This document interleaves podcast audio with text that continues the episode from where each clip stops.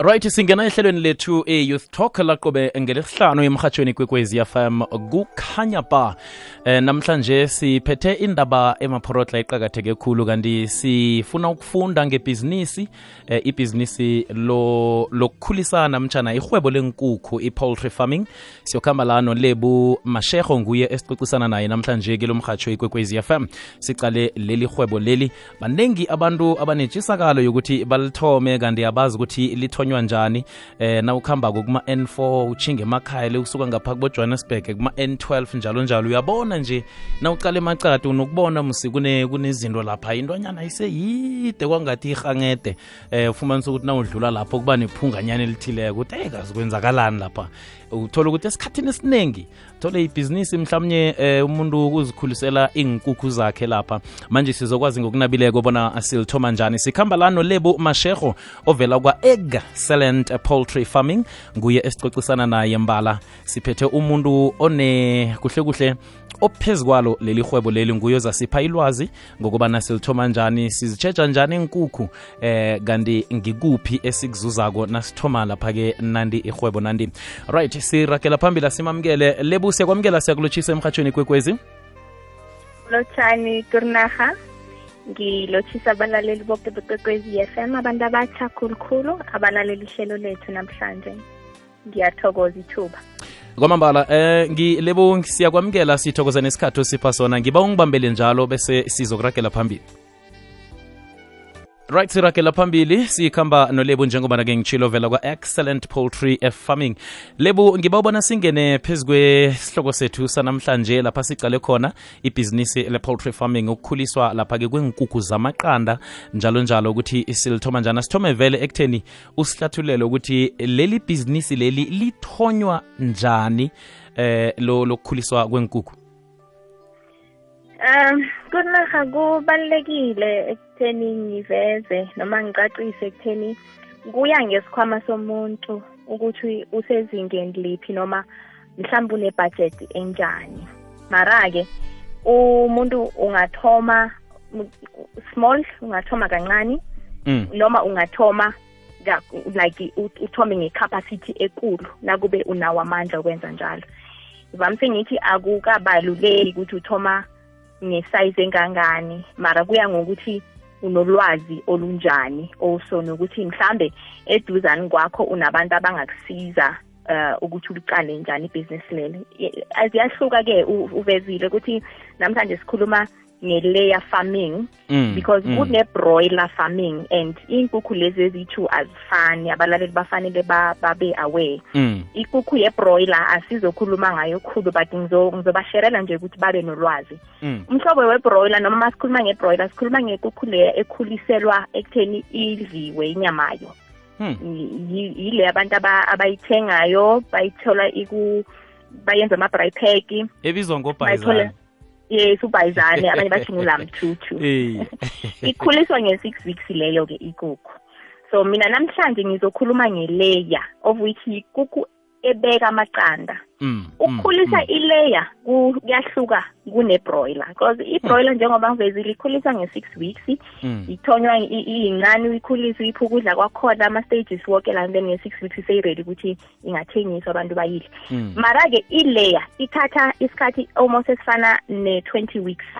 20 mm. weeks it could be 5 months ukuthi uyikhulise. Mm. ibe sezingeni lokuthi ingakwazi ukuthoma ibekela amaqanda manje abantu bafanele ukuthi babe aware of that because abantu abaningi bangena bayakhamba bathenge bese umuntu athi nasekakhulisa abone ukuthi mara umhlobo lo bengufuna mm. so ileya ke uyithenga nayo incanyana kuya ngawe ukuthi ukhona ukuyithenga iseselidzinyani uzikhulisele lona. Idzinyane uzolikhulisa for 20 weeks.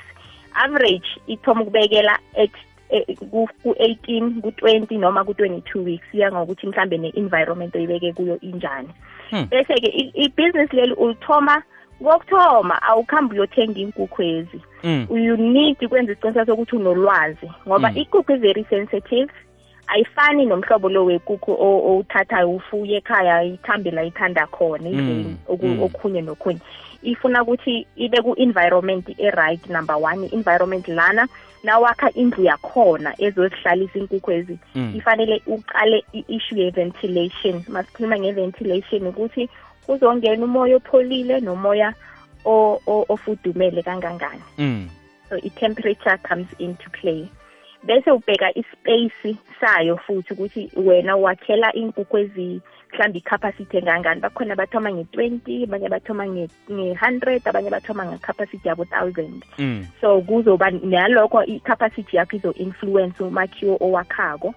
Bese uzothi uma sewuqedile ukuyakha wazi ukuthi uyifulele kuhle ithola i-natural light kamnandi Mm. eh, bese iyavalwa emaceleni iba nama-net noma ama- ama-curtains what we call ama-curtains ukuthi ebusuku ivalwe inkukhu lezi zingabi exposed to abo-mosquito Mm. ne nama-temperature or noma i-weather e- e- engaba nzinyana for ukuthi inkukhu zikwazi ukusurvive ngoba inkukhu ezikingazo zisensitive ziphathwa zis- i-stress so Mm. i-stress sibangelwa umshiso Mm. sibangelwa makhaza sibangelwa na nalithada sibangelwa na na nama ama mosquitoes also.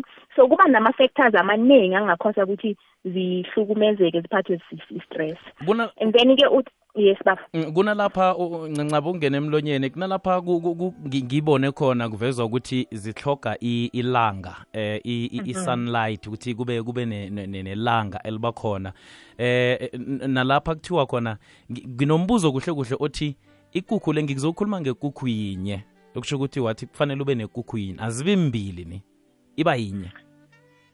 I mhlambe u- ubuzele kubekeleni kwecanda leli ukuthi impela Iye. ihlangane nekukwenye iye into ezinjengalezo Awa. ngizongathi ubala yinye Awa. ikukhu mm. No ngibala yinye. Na ukhuluma ngeleya sikhulukhulu sigcike sibe- sibased kuma-hands umhlobo bathi yini? Isikhukhukazi. Mm isikhukhukazi. Iye ikukhu ebekelako. Oh manje isizathu sokuthi ikwazi ukubekela ibekelwa ibekela ngoba kunokudla esikuberegisayo kuyi-maintaina mm. Ukudla okhu ngikho kwenza ukuthi ibe fertile ikwazi ukuthi ingakhiciza icala. Manje ikhipha amaqanda engaki ngelanga mhlawumbe yazi kunarha vamise ngibona abantu abaningi ba- ya- ba-advise abantu nge- ngam- ngama-numbers a-different. But mina soloko ngathoma ukubereka ngekukhu le ne-research engenzileko nabantu engikhuluma nabo. Mm. ikukhu ngekhipha iqanda elilodwa ngelanga. Ngelanga? Yes. So within 16 hours Mm. yelanga ikukhu ibekela iqanda. Hmm. the 16 hours nayi namhlanje 16 hours again next kusasa ikukhu iyakwazi ukubekela iqanda. Bese aba mangaki But-ke, mm. ikukhu eyo- eyodwa ibekela iqanda elilodwa Mhm. kunarha Mhm. kuya ngecapacity bese yabantu ukuthi umuntu athi mina nginenkukhu eziyi-thousand Mm. kuba nenkukhu ezibekela ekuseni kube nenkukhu ezibekela emini kube nenkukhu ezibekela entambama Mm.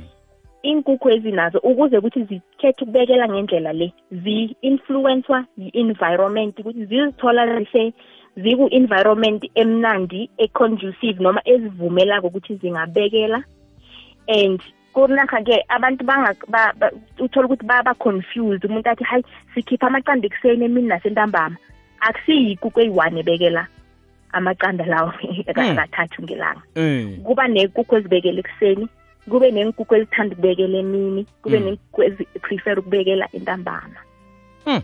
njengami Hey. Ngoba nginomhlobo lo wenkukhu obekela amaqanda. Singena ekuseni ngehogweni sidobha amaqanda wasekuseni. Mm. kube nenkukhu esizozithola ukuthi ziyabekela emini bese siyacollect bese nasentambama siyacollect but no-seed ukuthi uzi-maintaina njani kubalulekile ukuthi uziphi ukudla okunjani? Mm. Eh uzi-vaccinate njani Mm. bese Mm. nento enye ekulu abantu abangayilemuki Mm. umuntu o- o- o- ohelebha ukunakekela inkukhu kungaba ngumnikazi wenkukhu noma abantu aba- abacashayo babalulekile ngoba into evamise ngiyibone inkukhu zami ke iveke le esibuya kiyo ngikhe ngahlala nazo ngingedwa kunganabantu abangihelebhako i-capacity ngiyibone iphakama i-production yethu Mm. vamise sa- angithi sithatha ama-records sikhiphe i-state ukuthi namhlanje ngomvulo thola amaqanda angaki ekuseni emini nasentambama Mm. bese siyaconsolidate mara ivekele engithome ukuba ngedwa ngithe nasengingena ngathola ukuthi inamba lamaqanda iphakeme so angazi ukuthi inkukhu ezi zithandeni mhlambe bezijabulele ukuthi sokukudala zangigcina nangingena ngaphakathi ziyangazi so lesangisho ikukhu i-sensitive and ithanda ukuthi igadwe nangumuntu onethando Mm. Ya kwamambala uyayibeka asamukele umlaleli wekwekwezi FM um sisilebo ngiba ukuthi sithengise nasibuyako bese siza kuragela phambili. Samukele nomlaleli wekwekwezi FM ku-079 413 sithumela iphimbo lakho nayikhibe unombuzo. Kuyalapha-ke ulebu mashego ulapha-ke e-excellent poultry farming. Kuhle kuhle wenza yona. Um uphethe leli hwebo leli. Um na unetshisakalo yokuvula ibhizinisi lenkukhu njalo njalo nangulebu ungabuza imibuzo um ukuthi lakho ibhizinisi ungalithatha njani ulifanise naleli lakhe lirageli bengelikhulu nasibu yakho 0794132172 kuwhatsapp voice note kanti emoyeni 0861120459 right siragela phambili ngaphakathi kwehlelo i-youth talk emhatshweni kwekwezi fm lethelwa yi-sabc radio education enriching minds enriching lives. Ngingusibuku rinarha sikhamba nolebu eh ma, mashego vela lapha-ke eh, excellent eh, poultry farming. Nguye-ke ophethe ibhizinisi eh, lokukhulisa lapha-ke inkukhu ibhizinisi kuhle kuhle lenkukhu lezi zamaqanda ngendlela ayibekile ihlezi ngakhona. Ukuthi inkukhu lezi oqalelele khona ukuthi kufanele zikhiqizele amaqanda eh njalo njalo ukuthi uzikhulisa njani kufanele zidle ukudla okunjani sekakubalile lokho. Manje usesilebu ngaphambi kokuthi sithathe mhlambe babili abalaleli ngifuna ukuthi eh namtshana siza kuthatha babili abalaleli ngemva kwalapho bese singena phezu kwana kumbuzo ukuthi siyithoma njani siyifikisa njani ibhizinisi le lapha ngehlangothini lentolo nasele sesiyithuthukisa njalo njalo. Sesilebu ngiba ubona sithathe abalaleli ababili abanembuzo lapha ngiyabona sele bakhona. Ngale kolokhu siragele phambili. Usesekhona ngisesekhona ba. Kwamambala. Akwandi kurinaha kunjani? Hayi mina ngithanda ukumthokozisa wami. nokho mina anginalutho olutheni umbuzo ini ini njani njani? Ngoba umkhaya ngiyamazi ulebu uyi-hard worker. So ngithanda ukumthokozisa mina. Ngim uzanele uma kasibabasa ngiyathokoza bye. Siyathokoza zanele siyathokoza. Khe sizwe ngapha. Eh Hallo Kurnaga. Ngisacela Abanye. ukubuza lapha emhathweni andizimngona Motofontein N ukuthi mara i-profit yona ikhona na? Nomuntu mhlawumbe ufuna ukuthengisa amaqanda lawo wenze ibhesi yakhethi mara ipe- i-profit yona ikhona na? Angi kwamambala mbuzo omuhle loyo. Usithatha usisa kuye lapha ulebu ukuthi siyokucala ukuthi uyitshingisa njani ibhizinisi le la iza kwenza khona ukuthi ugqine umuntu othola imali. Sesilebu mhlambe sesiyikhwele lapho ngoba isikhathi sethu sesincane ngalesi sikhathi. Kusibekele yona ukuthi ngiyisusa njani le bhizinisi ngiyitshingise la iyokungena khona entolo ngibe muntu othola imali namtshana ofumana imali ngendaba yebhizinisi yokukhulisa iinkukhu lezi ezikhiqiza amaqanda? Eh wena kurinaha nabalaleli ngithanda ukuveza ukuthi ibhizinisi yamaqanda iyibhizinisi enama-profit margins aphasi khulu so asingakhohlisi abalaleli ukuthi bakuhambe kusasa bayothenga iinkukhu zamaqanda bethi bazokwenza imali imali ku- kubhizinisi leli uyenza ngokuthi ube ne-capacity uthole ukuthi ukwazi ukuproduce isitoko esiningi mm. bese kula sikwazi ukwenza khona imali but-ke ma uqale kancane Mm. nginga-advise abantu ukuthi bangafuni ukuyothengisela iy'tolo mhlambe bangathuma bathengisele eh, amakhaya like direct customers Mm. lapha na uthengisela eh kwasikhosana uthengisela nje abantu owakhe nabo emphakathini Mm. kula ukwazi ukubona ne-profit khona ngoba lokhu nawe ngumuntu uthi ngoba sengiyaproducer bese kube nabantu abavela bathi mina ngisitolo ngifuna ukuthenga kuwa basathenga iprice leya mhlambe ephakeme ngoba nabo basafuna ukuyofaka imakapu Mm. uthole ukuthi basayothengisela phambili so i- ama-profit margins aba mancane ma ufuna ukubereka to business to business mara-ke lapha nase une-capacity Mm. mhlambe ulaphani kuboma-five hundred eh, thousand yenkukhu ukwazi ukubona ukuthi mani yikulu i-capacity enginayo Mm. kulawo ungathoma unegotiate khona for ama-prizes owafunako mara vamse ngithi kubalulekile ukuthi abantu bazwisise i-target market yabo kuqala ukuthi wena kuhle kuhle ufuna ukuthengisela ubani Mm. bese no- kodwa ne-value proposition yazi i-value proposition kulapha na uzwisisa ukuthi khona uthengisa amaqanda mara amaqanda akho yini o- oku-special ngawo so that Mm. na ukhuluma ne-customer ukwazi ukuliconvinsa ukuthi maqanda ungawathola esitolo esithize esikhulu nakuphi. Mara isizathu sokuthi uthenge kimi ukuthi mina ngikunikeza i-value ethize bese nalapho uyakwazi-ke ukuthi ungenza i-profit because awusathengiseli nje ukuthi u- u- ucompete nobani but une-target market uya-understanda ukuthi wena kuhle kuhle abantu abaproduzelako bakhiqizelako bobani. Ya izwakele uyayibeka. Khe sizwe nangomlaleli wokuphela ngaphambi kokuthi ulebu sivale. ngapho. Ukuthoma khe ngithanda ukuthokozisa ulebu ngomberega wenzawo and kuzwakala awuthanda hle Mm. eh endabeni yokuthi natshejwe nguye eh i-capacity i mean izinga lamaqanda liba liningi eh kuliciniso angithi ngezakhe. Phela ifuyo iyamazi umnikazi nomnikazi uyayazi ifuyo yakhe. That is from the bible. Siyamazi umelusi naye nazo ziyamazi. Eh so mina ngibona ngezami la ekhaya mara ngezesikhethu lezi zekhaya lezi. Ngoba ziphiwa ngimi senzani? Then nangivelako ziyangigijimela and then noma ngikhona ngiphumako ziyangilandela. Nomama wami naye the same thing ngoba unokuzipha nani? Nani hawa nakavelako ziyamlandela. Mm. even nembuzi zami nazo zenza ngokunjalo. So izinto ifuyo yangethando and nayo izokuthanda. Kodwa ngithi lebu ngiyakuthokozisa ngombereko omuhle thank you khuluma nosilage number one december. Amen. Siya- siyathokoza silakhe disemba ngenumber one. Sesilebo ngiyabona bawubuka umsebenzi wakho ngelinye lamalanga nami kufanele khe ngize ngizokubona la usebenzela khona. Mhlawumbe ngizakuthina ngibuya ngejohannesburg ngizithole ngibrayabraya maqanda. Ngingajabula kakhulu kurinaha siyatholakala ku-facebook Mhm. abalaleli bangasilandela. Angazi ukuthi sekuyithuba lokuthi nginga- ngilo ngabasherela mhlambe basithole.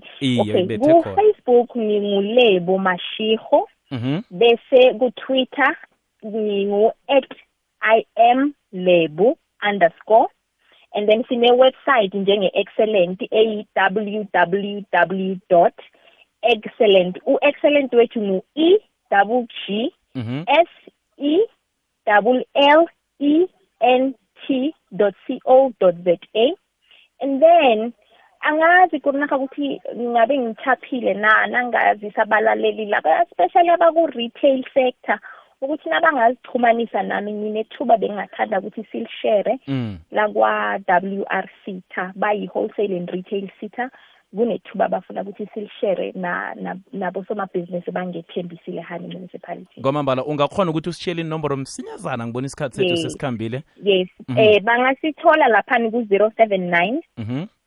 486 Mhm. 7585 for ithuba leli laka WRC ta bese mabafuna ulebu direct Mhm. bangangiwhatsappela ku 076 Mhm. 622 Mhm.